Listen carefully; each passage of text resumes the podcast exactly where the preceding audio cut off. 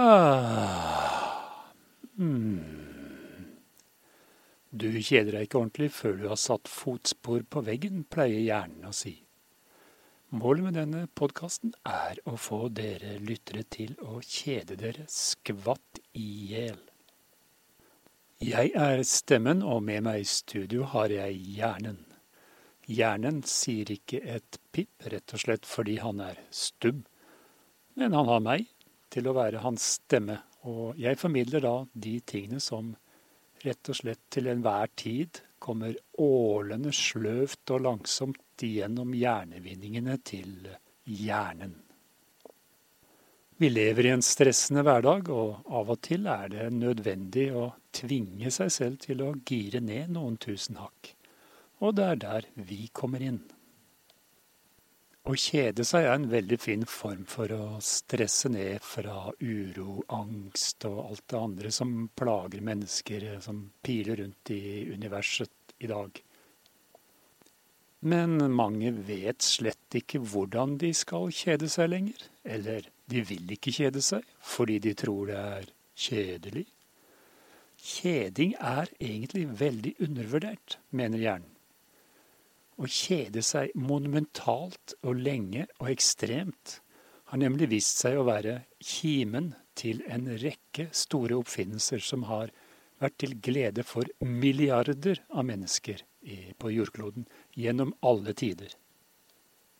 Dyp og massiv kjeding har gitt oppfinnelser som hjulet, ilden, binders, bakstreveren, krutt sprengstoff, kunstgjødsel, en blanding av diesel og kunstgjødsel, uff Vaskemaskinen, rapefilteret, oppfinnerknuseren. Smilebøylen, hakeslipperen, antislipset. Pizzaen, rumpeslikkeren, snøsokken. Bistandsannulatoren, overskuddsemulatoren, Petter Smart, trikkesnikeren, den utslippsfrie utbrettsbilen og andre rariteter og nyttigheter på jorden. Alt dette finnes det omfattende dokumentasjon om i det mest faktasjekkede og anerkjente oppslagsverket i verden, Facebook. En fellesnevner for menneskene som har funnet opp alle disse fantastiske nyvinningene for menneskene, er at de kjedet seg helt eller halvt i hjel. Grunnen til at kjeding er så kraftig undervurdert, er at mange ikke kjeder seg lenge nok og dypt nok, rett og slett. Det gjelder å komme seg over den der første dørstokkjedinga først, og så bare la det flyte på og synke ned i total meningsløs sløvhet lenge nok det trengs tid og tålmodighet. Det er når du kommer deg forbi de første 60-70 timene med total mangel på enhver form for stimuli, at ting begynner å bli interessant. Da kan spiren til storverk begynne å vokse. Tror du virkelig at ikke Michelangelo kjeda seg noe så inn i gampen da han lå der på ryggen og malte taket, det sixtinske kapell. Det er en grunn til at det ble et mesterverk. Det fins utallige eksempler i musikken og litteraturen også. Hvis ikke Iggy Pop hadde blitt liggende i en pøl av kjedsommenhet, hadde vi aldri fått låten I'm Bored. Flodhestskoen ble oppfunnet av Flode Blakken i en intens kjedesession.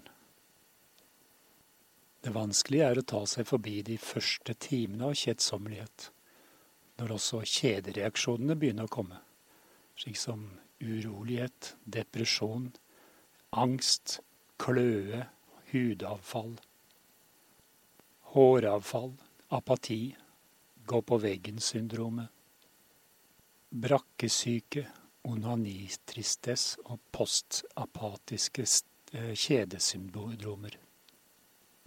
Hvis du kommer deg forbi disse vanskelige fasene, så vil du merke at eh, tankene begynner å spire. Det er mangelen på stimuli og gjøremål får hjernen etter hvert til å begynne å jobbe. Så sant du ikke i disse fasene du skal gjennom, har blitt eh, hylende gal eller tatt livet av deg selv. Det er kanskje de to mest alvorlige bivirkningene av kjeding. Det som skiller de store kunstnerne, oppfinnerne og musikerne fra de middelmådige, er at de store de er i stand til å ta seg inn i den ultimate, endelige kjedefasen. Mange beskriver det som en slags eufori, en voldsom energiboost, når ideen begynner å spire. Og de kaster seg ut i en voldsom idédugnad med seg selv til å ha utviklet noe som kan bli en stor, stor ting for menneskeheten. Kjedsommelighet er så mye bedre enn grusomhet og selvsomhet og ensomhet. Det er noe fantastisk. Da steinalderkvinnen Rolanda fant opp hjulet, hadde hun ventet i 14 dager og 13 timer på mannen sin, som var ute på mammutjakt. Hun kjedet seg så voldsomt at det gikk trill rundt for henne til slutt, og vips var hjulet funnet opp. Uheldigvis fikk hun aldri noe anerkjennelse for det, hun fikk ikke fortalt det, fordi hun rett etterpå ble spist opp av en overentusiastisk sabeltiger. En voksende trend for tiden for eh, folk som gjerne vil spre gleden med kjeding videre, er kjedebrev. Det er å skrive et ubegripelig meningsløst, kjedelig brev til andre. Det er bare å hive seg på og prøve. Mange har hatt stort utbytte av dette. Hjernen fikk for øvrig ideen til denne podkasten, Hjernen og stemmen, Norges kjedeligste podkast, under en eh, slik formidabel og dyp og langvarig kjedesession. Og gjett om det har vært vellykket. Denne uken har vi hatt en fleredobling av lyttertallene til eh, nærmere 34 lyttere. Hjernen tar sikte på å passere 50 lyttere i nærmest løpet av det nærmeste tiåret.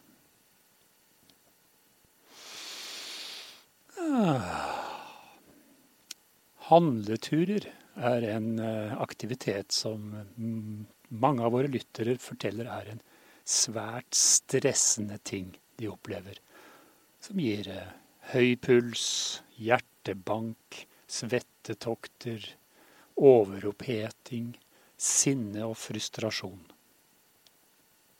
Dette opplever de særlig i visse perioder av året, slik som eh, like før jul.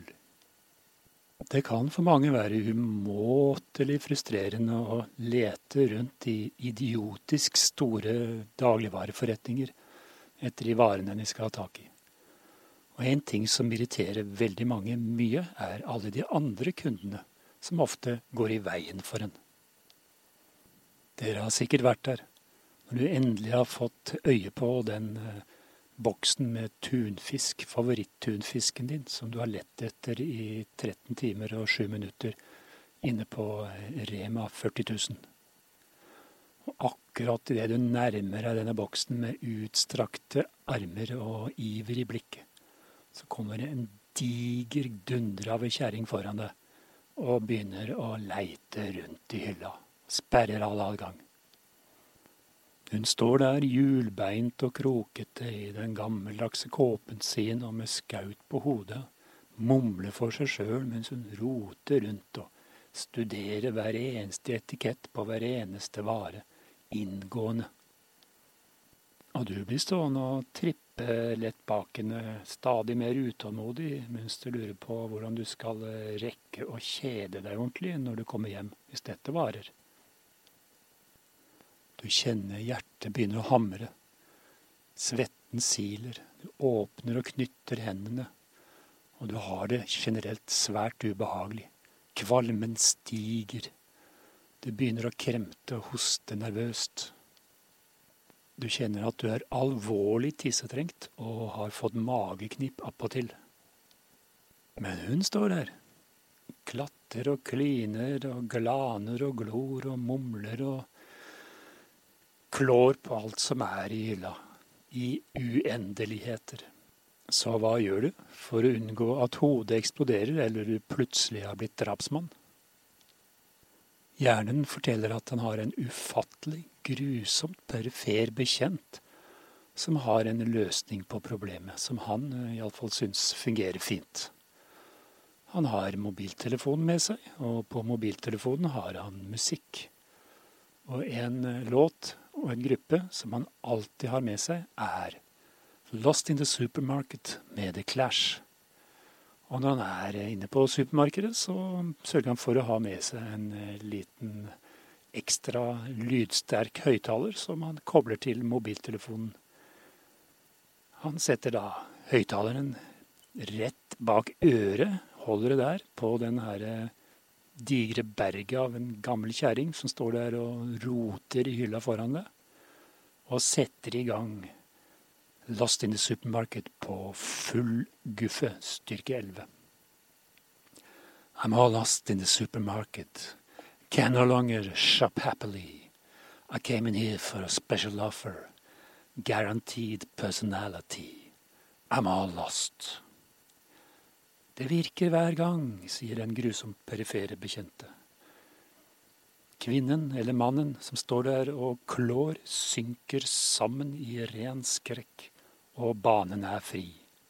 Det er bare å hoppe opp på klumpen som ligger der på gulvet, og strekke seg etter det du enn vil ha, slik som tunfiskboksen. Grabbe den til deg og forsvinne derfra i en fart. Og det du også opplever da, det er at pulsen går ned, magepinen forsvinner, du er ikke lenger tissetrengt.